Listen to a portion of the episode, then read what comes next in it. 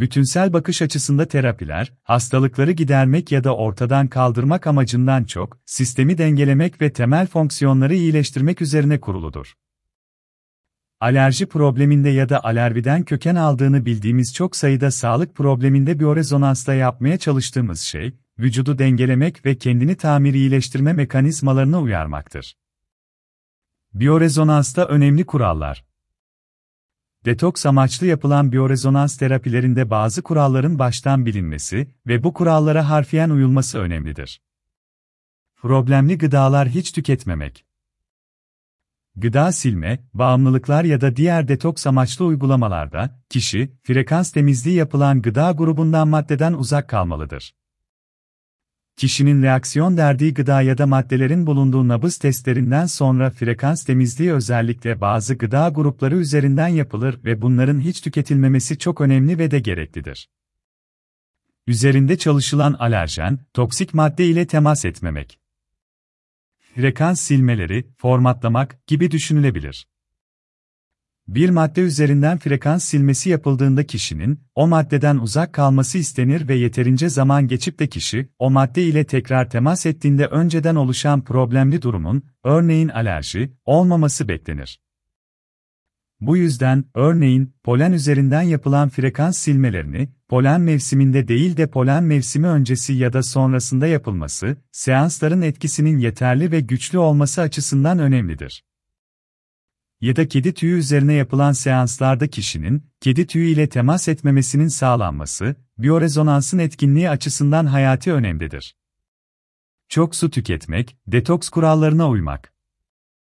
Biyorezonans ile yapılan işlemi, vücudun detoks için uyarılması ve frekans temizliğinin ardından, alerjen, toksinde karşılaşmadığı bir süre içerisinde kendini rekorganize etmesi olarak tanımlayabiliriz. Bütün diğer biyorezonans terapi şekillerinde olduğu gibi, detoks için yapılan terapilerde de kişinin bol su içmesi, banyo, hamam ya da sauna gibi vücudu elektriksel olarak nötrleyecek ve detoksu kolaylaştıracak aktivitelerde bulunması önemlidir. Vücudu her bakımdan desteklemek.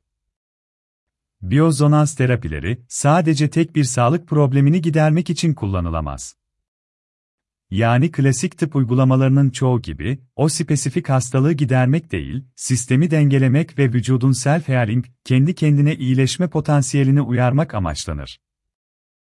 Bu yüzden de biyorezonans terapileri ile birlikte, bünyedeki önemli organları ve sistemleri desteklemek için çeşitli doğal ürünler önerilebilir probiyotikler, bağırsak dengeleme protokolleri ve benzerleri gibi. Biyorezonansın kullanılmadığı durumlar var mı? Bu terapileri hamilelerde, bu konuda güvenilirliğiyle ilgili bilimsel bir çalışma yapılmadığı için, zorunlu kalmadıkça kullanmıyoruz. Kalp pili taşıyanlarda kullanmıyoruz. Psikotik atak durumunda, örneğin, manik ataklarda kullanmıyoruz. Biyorezonansın yan etkisi var mı? Biyozonans terapileri detoks temellidir, yani temizlenmek için uyarımı ve silkinmeyi hedefler. Alerjik bir bünyede, alerji yapan madde üzerinden yapılan terapilerde bu silkinme, kendisini, alerjik eğilimde geçici bir artış olarak gösterir ki bu da beklenen durumdur. Biyorezonans terapilerinde, iyileşmek için önce ufak bir tetiklenme gerekli ve bu normaldir. Bu durum, birçok tamamlayıcı holistik terapi şeklinde iyileşme krizinin kendisidir. Terapiler sonrasında bol bol su içilmesi, frekans silmesi yapılan maddelerden ve gıdalardan uzak kalınması, bu sürecin rahat geçirilmesi ve terapinin etkinliğinin derin olması açısından önemlidir. Rezonans terapilerinin ilk günlerdeki olası detoks etkileri, asıl olarak bir yan etki değil, sürecin kendisinin normal özelliğidir ve biyorezonansın, bu ilk etki dışında herhangi bir yan etkisi yoktur. Biyozonans terapileri, çocuklarda, bir hekim tarafından uygulanıyor olması kaydı ile, 18 aylıktan ve zorunlu hallerde çok daha erkenden itibaren kullanılabilir.